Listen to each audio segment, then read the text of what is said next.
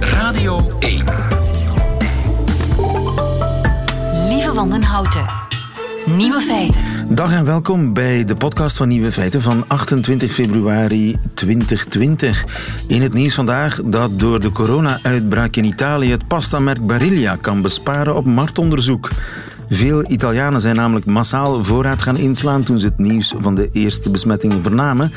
En zoals het echte Italianen betaamt, bestond die voorraad voor een zeer groot deel uit pasta. Foto's van bijna volledig leeggekochte winkelrekken die gingen de wereld rond. En opvallend detail, de rekken zijn nooit helemaal leeg. En wat er overblijft kan interessante informatie bevatten voor marketeers. Sommige pastavormen zijn nu eenmaal minder geliefd, zelfs in tijden van crisis. Onze redactie is zelf even op onderzoek gegaan en de dozen die het vaakst ziet op die foto's zijn farfalline, van die mini- mini-strikjes, ditaloni, mini-buisjes en midoline, pasta-korreltjes. Voilà. Miljoenen uitgespaard aan marktonderzoek. Elk nadeel heeft zijn voordeel. De nieuwe feiten vandaag volgens een Channel 4-documentaire zit in Nespresso kinderzweet. We hebben een tijdelijke tweede maan. Pinguïns houden zich aan de taalwetten. En in Oostenrijk wordt skiën verplicht. De nieuwe feiten van Karel Voet hoort u in zijn middagjournaal. Veel plezier.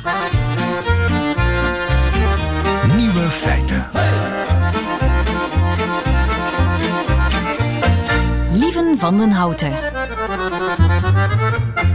In Oostenrijk wordt skiën verplicht. Caroline de Gruiter, goedemiddag. Goedemiddag. U bent eh, NRC-journalist in eh, Oostenrijk. Het staat in het regeerakkoord, hè? verplicht skiën. Ja, dat is iets nieuws. Er is een nieuwe regering van conservatieven en groenen. En die hebben dat in het regeerakkoord gezet in, eh, in januari. Dat ze ski-vakanties voor scholen, die vroeger verplicht waren, maar dat werd in 1996 afgeschaft, dat ze dat weer eh, opnieuw gaan introduceren. De herinvoering van de verplichte skiweek voor elke middelbare scholier. Ja, nou voor lagere scholieren zelfs ook. Ja. Wat zit daarachter? Wat is de bedoeling? Nou, ze hebben peilingen gedaan. Kijk, het is natuurlijk een Alpenland, hè, Oostenrijk. Dus dat zijn grote skiers. En nu zijn ze erachter gekomen dat 25 jaar geleden dat ongeveer 40% van de Oostenrijkers zei niet te skiën. En dat is opgelopen nu. Ze hebben net weer zo'n peiling gedaan. eh, naar iets van 60%.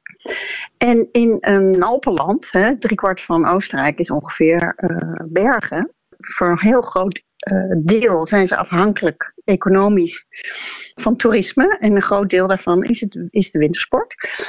Dus ja, dat, dat eh, vinden de Oostenrijkers vinden dat een slechte ontwikkeling. Als, als, als het vooral nog buitenlanders zijn die daar komen skiën, dan eh, hebben ze het gevoel dat ze een probleem hebben. Ja, dus er is een economische reden, maar er is ook een identitaire reden. Hè? Want ja, als je niet skiet, ben je een slechte Oostenrijker.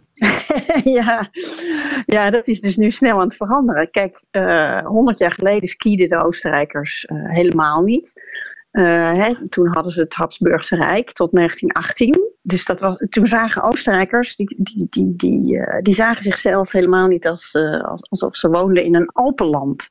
Oh, En na dus 19 voor nee, want het- 1918 was, er eigenlijk helemaal, was het helemaal niet chic om te skiën in Oostenrijk.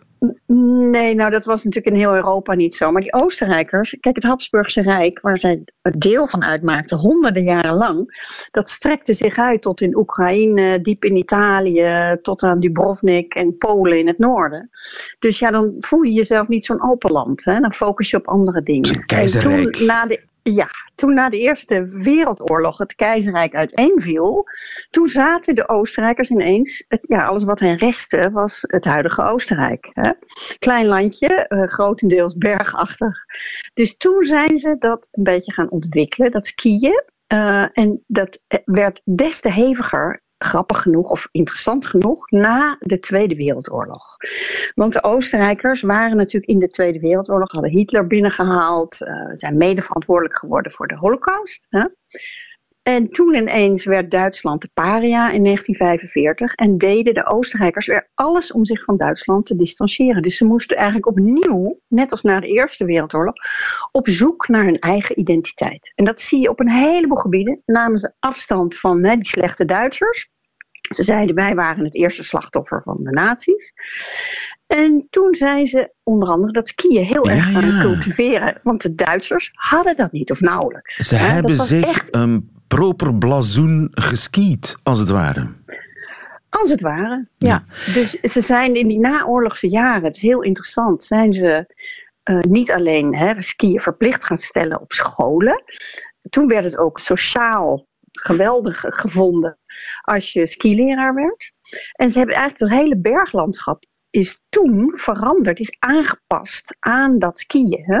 En ze hadden, alles ging opzij voor de, voor de Olympische Winterspelen. Ze hadden super skiers. Juist. En, En ehm, is dat nu minder? Zijn, zijn ze minder skikampioen, de Oostenrijkers? Ze zijn minder. Ja, ze zei, ik, heb, ik begrijp dat ze, dat ze net. Ik volg het niet zo heel goed hoor. Ik ben niet zo'n skier zelf. Maar ik begrijp dat ze net klop hebben gekregen van de Belgen. Juist, nou ja, dat, eh, dat, Dat zegt dat, wat. eh, dat, is, dat, is, dat zegt toch wat. Ja. Er zijn heel veel redenen waarom die Oostenrijkers nu minder skiën. Het is duurder. Het is nog steeds een stuk goedkoper dan Zwitserland, maar het is duurder. Het is niet zo goed voor het milieu, hoewel dat zeker niet de belangrijkste reden is. Zes- 60% of 62% van alle sneeuw die nu gebruikt wordt, eh, is eh, kunstmatige sneeuw. Je ziet ook steeds minder eh, dagjesmensen. Vroeger gingen mensen heel vaak vanuit Wenen. Hè. In een uurtje was je op de piste. Nou, die steden die hebben nu zoveel vertier en vermaak. En van, van, van musea tot shopping. Dat heel veel mensen ook denken, nou laat maar zitten. Bovendien staan er files tegenwoordig. Daar hebben ze ook niet zo'n zin in. Ik begrijp die mensen. Met als gevolg dat er dus steeds minder eh, Oostenrijkers gaan skiën. En steeds minder Oostenrijkers leren het hun kinderen ook niet Ja. meer. Hè? En dat, daar willen ze dus nu eh, iets aan gaan doen, Ja. de regering. En gaan de Oostenrijkers nu met lange tanden op de latten? Of eh, is het met veel plezier en vaderlandsliefde dat, dat ze weer worden omgegespt? Nou ja, het, het, volk is een beetje verdeeld. Er wordt heel erg veel over gesproken. Op in de kranten en op de televisie en zo. Eh, ja, ze zijn verdeeld daarover. Sommige mensen zeggen ja. Als je kinderen op school gaan skiën, dan heb je toch een ouderbijdrage nodig. Hè? En kinderen zijn nu heel erg op merken en zo. Dus die gaan dan vergelijken van ja, mijn anorak is mooier dan de jouwe. Er zijn andere mensen die zeggen ja, we, dit is juist sociaal egaliserend. Want iedereen zit in datzelfde pensionnetje. Op dezelfde eh, houten stapelbedjes. Ja. en eh, hè, niet zeuren, gewoon eh, op de lange latten en die bergen af. Ja. Dus dat werkt juist egaliserend. Dus je kan het alle kanten op redeneren. En dat doen die Oostenrijkers dus ook nu. Maar je zou het kunnen vergelijken met verplicht schaatsen in Nederland of verplicht veldrijden in Vlaanderen om eh, Ja. de identiteit te versterken. Dat is waar men in Oostenrijk mee bezig is. Caroline de Gruiter, dankjewel. Goedemiddag. Goedemiddag.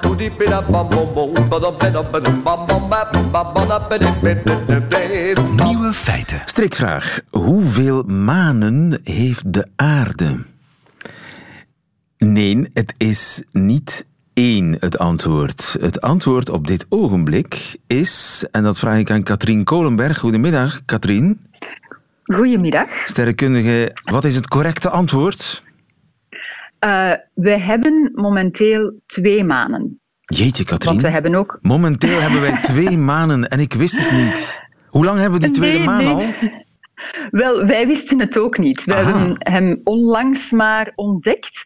Op zeer gedetailleerde foto's hebben twee collega's sterrenkundigen een klein vlekje zien bewegen. Ze hebben een aantal foto's gemaakt en dan uit die beweging kunnen eh, berekenen dat dat een brokstukje is dat rond de aarde draait. Dus eh, per definitie een, een hemellichaam daar rond een planeet draait is een maan. Dus het is een maan, maar het is een minimaan. Het is een minimaan. Hoe groot is ze ongeveer? Ja. Zo groot als een auto ongeveer. We weten niet precies hoe groot, maar ja, uit de helderheid en, en eh, de baande positie leiden we af dat het Ik ben er toch blij mee. Katrien, ik ben er toch blij mee Ja. met die tweede maan. Wie het kleine niet eert, is ja, het grote niet weert. Inderdaad, zes, zes meter ongeveer. Eh, en en we hebben die onlangs ontdekt. Eh, hoe lang zou die daar al kunnen zitten, die maan?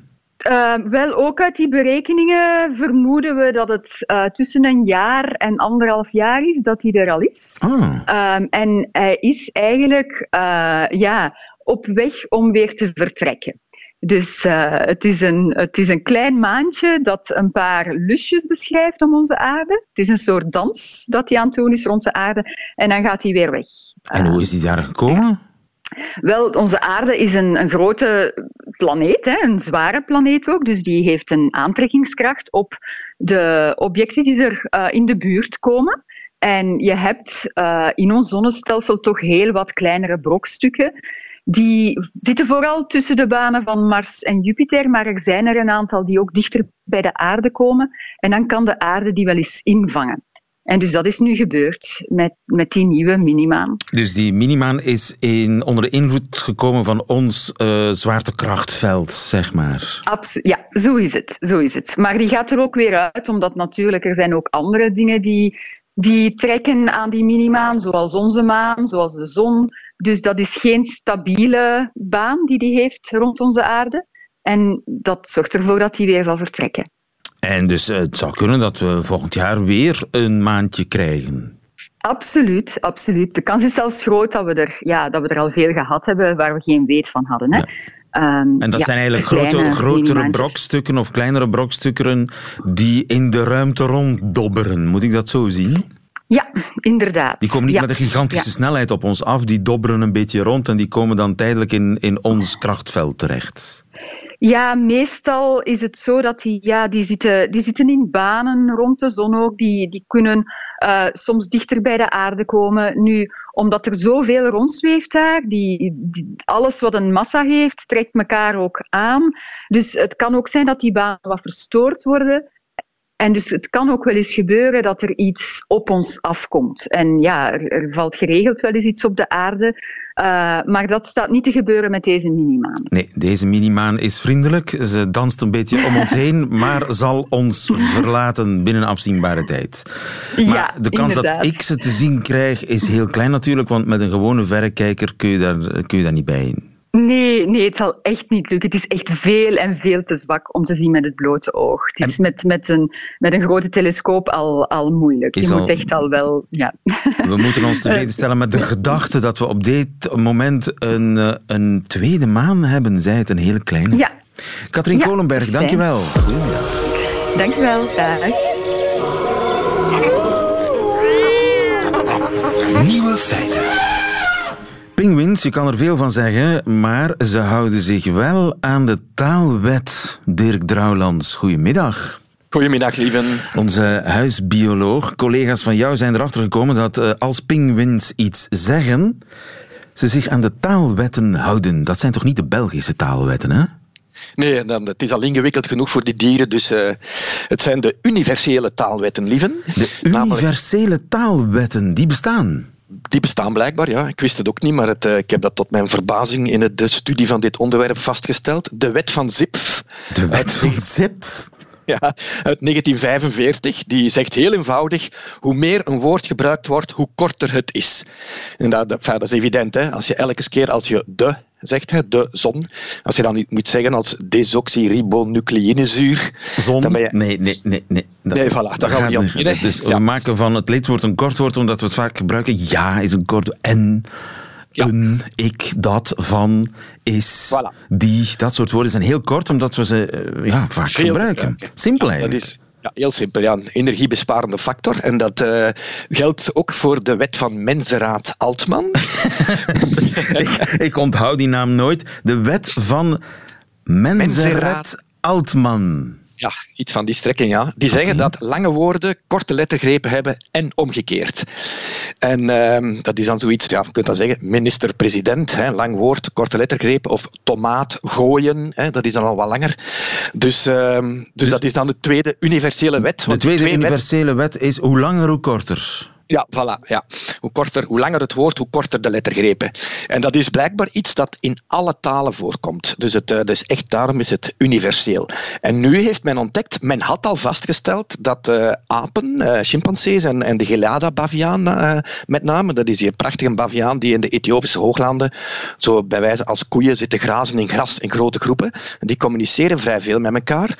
En die, daar wist men van dat die gelada-baviaan en de chimpansee dezelfde regels heeft heeft.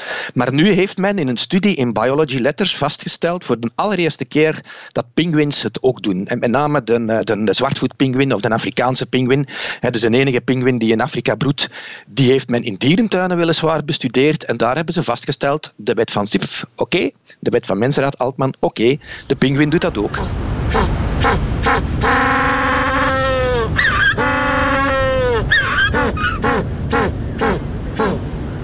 Ja, hij heeft heel wat te zeggen. Ja. Dat is duidelijk. Ik, ik kan die twee wetten daar moeilijk in horen, eerlijk gezegd. Maar hij, hij, hij heeft wel woorden en zinnen. En, en kort, kort, lang komt er wel in voor. Dus ik kan er mij wel iets bij bij voorstellen? Ja, dus de wet van Zip, eh, dat is dus de korte lettergrepen komen meer voor. Dus, het, eh, dus hetgeen dat eh, het kortste is, wordt het meest gebruikt. En als er een langere zand, dus als hij dus langer zingt, zullen we dat maar zeggen, want het is een vogel, ondanks het feit dat hij meer balkt als een ezel. Als hij langer zingt, zitten er meer korte lettergrepen in. Dus, dat is, en dat is dan de, de, wet van uh, Mensenraad uh, Altman. Ik heb het onthouden. Dus het, is, staat hier gewoon op, op, een papiertje overigens, maar anders had ik het moeilijk onthouden. Maar zo een woord als kindercarnavalsoptocht, voorbereidingswerkzaamheden, dat zijn allemaal heel kleine, korte lettergrepen natuurlijk. Hè? Of ja, coronacoalitie, dat, je zegt niet coronacoalitie. Nee. Uh, dus Hoe, hoe, langer de zin, hoe korter de woorden, hoe langer het woord, hoe korter de lettergrepen. Dat is ook zo bij uh, pinguïns, net als bij alle talen ter wereld. Inderdaad. En bij penguins heeft men nog een stapje verder gegaan. Hè, want bij ons is, wordt dat dan beschouwd als een soort ja, een compressie van informatie. Hè. Je bundelt de informatie in zo kort mogelijke tijd, waardoor dat je energie bespaart. Misschien werkt dat ook bij die penguins, maar ze hebben ook wel vastgesteld dat hoe groter het dier is, hoe langer de lange uh, lettergrepen duren. En daar komt dan het fameuze seksuele selectieverhaal van Charles Darwin in het spel. Namelijk dat dieren elkaar gaan evalueren aan de hand van de taal die ze gebruiken. Want dat zou dus kunnen een maat betekenen voor de longinhoud van zo'n pinguïn. En aangezien dat pinguïn onder water moeten gaan om te vissen en hoe langer dat ze onder water kunnen blijven, hoe meer dat ze vissen, is een man met een uh, grote longinhoud misschien een betere partner om mee de jongen groot te krijgen. Dus zo kom je dan stilletjes aan ook tot, tot ja, wat, wat selectieparameters die kunnen verklaren waarom de ene zang niet een andere zang is. Ja. Bij vogels is er al meer over bekend. Hè. Onze koolmezen bijvoorbeeld, die nu aan het zingen zijn, ondanks het feit dat het vandaag wat koud is, maar ze zijn vol een bak bezig, die zingen zo altijd korte lettergreepjes. Titu, titu, titu. Maar blijkbaar is de aantal keren dat ze dat doen een maat voor de kwaliteit van dat diertje. De veldleeuwerik, die nu ook aan het zingen is, zeldzame vogel, maar ik hoor die elke dag bij mij thuis, gelukkig. Die hebben een prachtige zang met tot 300 verschillende lettergreepjes in. En die buren die, die eh, herkennen elkaar en die nemen bepaalde patroontjes van elkaar over. Dus dat is dan weer zo'n territoriale uh, kwestie. Dus in die zang zit van alle mogelijke informatie gebundeld. En dat blijkt dus nu ook op te gaan voor die pinguïn op dezelfde manier als, het, als dat bij ons gebeurt. Dus dat is eigenlijk wel een mooie vondst. Ja, en wie dat op de meest efficiënte manier doet, ja, die wint op Darwin-gebied. De evolutie bekroont, bevoordeligt het dier dat het zeer efficiënt kan doen, met taal omspringen. Voilà, dat is het, in principe hetgeen dat erachter zit als, eh, als onderliggende uh, grote wetmatigheid, zal ik dan maar zeggen. Maar het verbaast me toch wel, want uh, eens te meer vervaagt het verschil tussen mens en dier. Hè? Ja, de basisprincipes zijn dezelfde. En lieven, er zijn nog altijd veel te weinig mensen die dat beseffen, maar, maar de basisprincipes blijven dezelfde. En ze worden alleen op een andere manier ingevuld, maar het is dan leuk van te horen dat zelfs dat onnozele balken van een zwartvoetpinguïn op een bepaalde manier aan dezelfde wetmatigheden volgt dan onze grote literaire capaciteiten. Uh, ja. Ik vind dat prachtig. Uh, het maakt je een beetje bescheiden en dat is uh, niet slecht. Dirk Drouwlands, dankjewel. Goedemiddag. Goedemiddag, lieven. Ah, koffietje iemand. Dat zal smaken. Of misschien juist niet. Want uh, ik lees net dat in Nespresso kinderzweet zou kunnen zitten. Jan Orbi, goedemiddag. Goedemiddag. Hoofddocent politieke wetenschappen aan de Universiteit van Gent. Uh, documentaire van. Channel 4, eh, dat is niet de minste natuurlijk, Channel 4. Dispatches, een programma dat al heel lang bestaat. Maandag wordt die documentaire uitgezonden. Nu al is er veel commotie. Want die documentaire brengt een en ander aan het licht. Wat brengt die documentaire aan het licht? Weet je dat? Wel, ik heb die documentaire ook nog niet kunnen zien, maar blijkbaar zou er op eh, verschillende plaatsen in Guatemala kinderarbeid eh, gemoeid zijn met de productie van koffiebonen. Koffiebonen die vervolgens in onze Nespresso-koffie terechtkomen. Ja, kinderen moeten de hele dag werken voor een aalmoes om koffiebonen te, te produceren. En een van die afnemers zou zijn Nespresso. Was u verrast? Ik was niet helemaal verrast. Eh, vorig jaar nog hadden we de Spice Girls die eh, verontwaardigd en, en zelfs gechoqueerd waren omdat de t-shirts die ze gebruikten voor een campagne in Bangladesh geproduceerd waren in erbarmelijke omstandigheden voor vrouwen. Nu is George Clooney, hè, dus eh, de ambassadeur van Nespresso, verontwaardigd en, en, en gechoqueerd omdat er kinderarbeid in de koffie zit in Guatemala. Volgend jaar zal het wel weer iets anders zijn. Ik ben niet helemaal verrast, omdat we weten dat er veel kinderarbeid is, zeker in de landbouwsector eh, wereldwijd.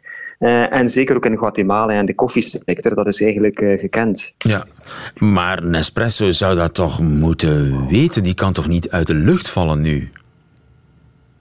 Wel, Nespresso gaat er prat op dat ze een duurzaamheidsprogramma hebben. Hè. Ze werken ook samen met een aantal Fairtrade-programma's. En eh, zij willen uiteraard geen eh, kinderarbeid in eh, hun producten. Maar als je weet hoe het eraan toe gaat, hoe, hoe hypercompetitief de internationale koffiesector is, hoe groot de druk op de prijzen is, dan kan het eigenlijk niet verwonderen dat er eh, mistoestanden plaatsvinden, zoals, zoals hier in dit geval. Ja, ze hebben al gereageerd overigens. Ze gaan het onderzoeken. Eh, toch vreemd dat zij, dat, dat zij eigenlijk geen idee hebben wat er met die bonen gebeurd is die zij kopen. Dat heeft eh, voor een deel te maken natuurlijk met de complexiteit van de keten. Hè. Dus je hebt eh, onderaannemers en onderaannemers daaronder. Dus de keten is tamelijk lang en complex. Ehm, en Nespresso werkt ook samen met een aantal organisaties die dan labels eh, voorzien. eh, ehm, die moeten garanderen dat producten tamelijk duurzaam geproduceerd zijn. Maar goed, we weten dat die labels eh, soms moeilijk te controleren zijn. Hè. Ja. Er zijn nu en dan audits. Maar bon, die audits die zijn soms ook op voorhand aangekondigd. Eh, die vinden ook eh, dus niet de hele tijd plaats. Ook de wetgeving en vooral de naleving van de arbeidswetgeving in een aantal landen laten wensen over. Ja. Dus opnieuw, eigenlijk zou een espresso niet heel verrast Ja, te zijn hierop. En hun reactie... Wel ja. ontnuchterend toch allemaal, hè? Want ja, die George Clooney, die, die verbindt zijn reputatie aan dat merk in ruil voor vele miljoenen, mag ik hopen, voor hem. Eh, vier, minstens vier eh, labels, Fairtrade labels, heb ik geteld op de website, die dus kennelijk ook helemaal niks waard zijn. Wel, als je gaat kijken op de website, dan zie je vier Fairtrade-achtige labels. Ik heb net eens geteld, er zijn eigenlijk 44 labels te vinden op eh, bepaalde webpagina 44 van Nespresso. Fairtrade labels en toch kinderarbeid. Ja, ja, dus ik heb hier Fairtrade USA, Good Brand, FIIT, Fair Labor Organization, Fairtrade International, IFC en zo verder. Dus 44. Dus dat, dat toont net het probleem aan. eh, er is een wildgroei aan labels. Een wildgroei Eh, aan labels, dat is- meer aan uit. Inderdaad, ook wat ik concludeer. Welke koffie kan ik nog drinken als ik geen kinderzweet wil in mijn lijf?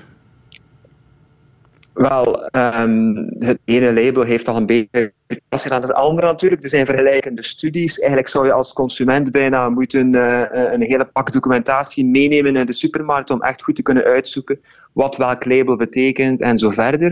En een absolute garantie krijg je nooit. Hè? Dus opnieuw, het systeem steunt een beetje op goodwill, steunt op die audits die extern zijn, die niet altijd eh, heel frequent voorkomen. Natuurlijk, sommige labels, zoals het bekende Fairtrade-label, het vroegere Max Havelaar, heeft een veel betere reputatie eh, dan bijvoorbeeld de Rainforest Alliance, dat een espresso ook, het ene eh, label is het andere niet. Inderdaad. Mogen we ervan Maar, maar uitgaan... alles samen, ja. Zeg maar. Alles samen hangen al die labels natuurlijk een soort van uh, rookgordijn op. Hè. Je raakt er als consument niet meer goed aan uit, enerzijds. En anderzijds geeft de producent wel de indruk van uh, zeer goed bezig te zijn, totdat er een soort van uh, schandaal opduikt, zoals nu het geval zoals is. nu het geval is. En denk je, mogen ervan uitgaan dat Nespresso ja, grote schoonmaak zal houden? Puntjes op de i? Ja, de typische reactie is, en dat heeft Nespresso ook al aangekondigd, van we zetten alle samenwerking stop, we gaan naar andere regio's, naar andere boeren. Wat misschien eigenlijk eh, de gemakkelijkste en niet de beste reactie is. Het zou eigenlijk beter te zijn om in overleg en dialoog te gaan met die eh, families of die bedrijfjes, uh, we weten niet veel details tot nu, uh, waar de kinderarbeid zou voorgekomen zijn. En dan, om te kijken hoe komt dat en wat kunnen we daar eventueel aan doen. Hè? Kunnen we investeren als Nespresso in de bredere omgeving, onderwijs, uh, ik zeg maar iets, in, in die regio's. Dus dat zou op zich een meer verstandige reactie zijn. Um, maar marketingtechnisch is het natuurlijk beter om te zeggen van wij, wij sluiten alle contacten met die boerderijen, wij gaan elders. Dat klopt. En, en dit gaat voor een groot deel natuurlijk over marketing. Natuurlijk wil Nespresso geen kinderarbeid uh, en natuurlijk zijn zij oprecht tegen uh, kinderarbeid. Maar uh, winst en marketing zijn hier natuurlijk ook zeer belangrijke factoren. Bon, maar ik laat dit kopje koffie voorlopig staan. Dankjewel. In Gent voor ons, Jan Aubry. Goedemiddag. Jan Orbi moet het natuurlijk zijn. Goedemiddag. Nieuwe feiten. Radio 1. Dat waren ze allemaal, de nieuwe feiten van 28 februari 2020. Alleen nog die van Karel Voet krijgt u in zijn middagjournaal. Nieuwe feiten. Middagjournaal. Beste luisteraar, alleen corona of hevige sneeuwval kunnen er nog iets aan veranderen. Dit weekend begint het Vlaamse wielerseizoen. De omloop en Kuurne-Brussel-Kuurne en hier om de hoek een wedstrijd voor elite zonder contract en belofte. Negen veeleisende ronden van 12 kilometer over zwaar gehavend asfalt en scheve betonplaten. Het nieuwe seizoen zorgt hier voor levensvragen en existentiële twijfels, beste luisteraar. Ik verklaar me nader. Een tijd geleden zat ik met een uitgelezen gezelschap aan tafel. Allemaal mannen, wat had u gedacht, die de Von Toe gingen beklimmen. De gastheer had er zelfs een echte trainer bij gehaald en die peilde naar ieders motivatie. De een deed het voor zijn gezondheid, de ander voor het gezelschap. Er was zelfs een auteur bij en die zou er een boek over schrijven. Ik zei wat ik altijd zeg in die omstandigheden: dat ik een coureur ben in het diepst van mijn gedachten. Er zit waarheid in. Sinds mijn eerste kromme stuur waan ik mezelf diep van binnen wielrenner, al heb ik nooit een rugnummer opgespeld, zoals dat heet in het milieu. De laatste jaren zit er overigens de klad in. De fietscomputer en de hartslagmeter liggen met platte batterij in de rommelkast. Ik rij op gevoel, zeg ik dan. Mijn snelheid lees ik nog alleen af op van die borden die eigenlijk voor auto's bedoeld zijn. U rijdt en dan verschijnt er een cijfer dat niet voor publicatie is. In elk geval ver onder de gemiddelde die ik in de WhatsApp-groep zie verschijnen. 120 kilometer vanmorgen en 31 gemiddeld. Proficiat en tot volgend weekend. Ik overweeg reconversie. Langzaam op een zware fiets met bagage door het landschap. Halt houden, in de berm op een grasprietje kouwen en weer verder. Of gravel gaan rijden, zoals hier onlangs in Nieuwe Feiten ter sprake kwam. In een houthakkershemd door het bos, streekbiertje en barbecue na afloop. Enfin, dat is wat ik ervan onthouden heb. En toch, laatst zat ik in de auto tussen Hallaar en Itegem, als u het wil weten, achter een groep would-be Remco's. Ik keek op de teller, de snelheidswijzer hing ergens tussen 40 en 50. Plots was het er weer, het hevige verlangen om ook in die groep te zitten. De wind zat in de rug en ik zou het wel even kunnen volhouden, dacht ik. Pas als vanaf café Nieuwendijk de wind van opzij zou blazen, zou ik eraf moeten, onherroepelijk. Misschien is de wielrenner in mij toch niet dood en moet ik er nog een keer alles voor doen. Lactaattest, vermogensmeter, ketonen, bieten en kriekensap. De hele Sante Boutique. Eén keer nog en pas dan de rekening maken. Volgende week fietsvakantie in Benidorm. Vakantie? Noem het maar stage. En vertel het vooral niet voort aan de concurrentie.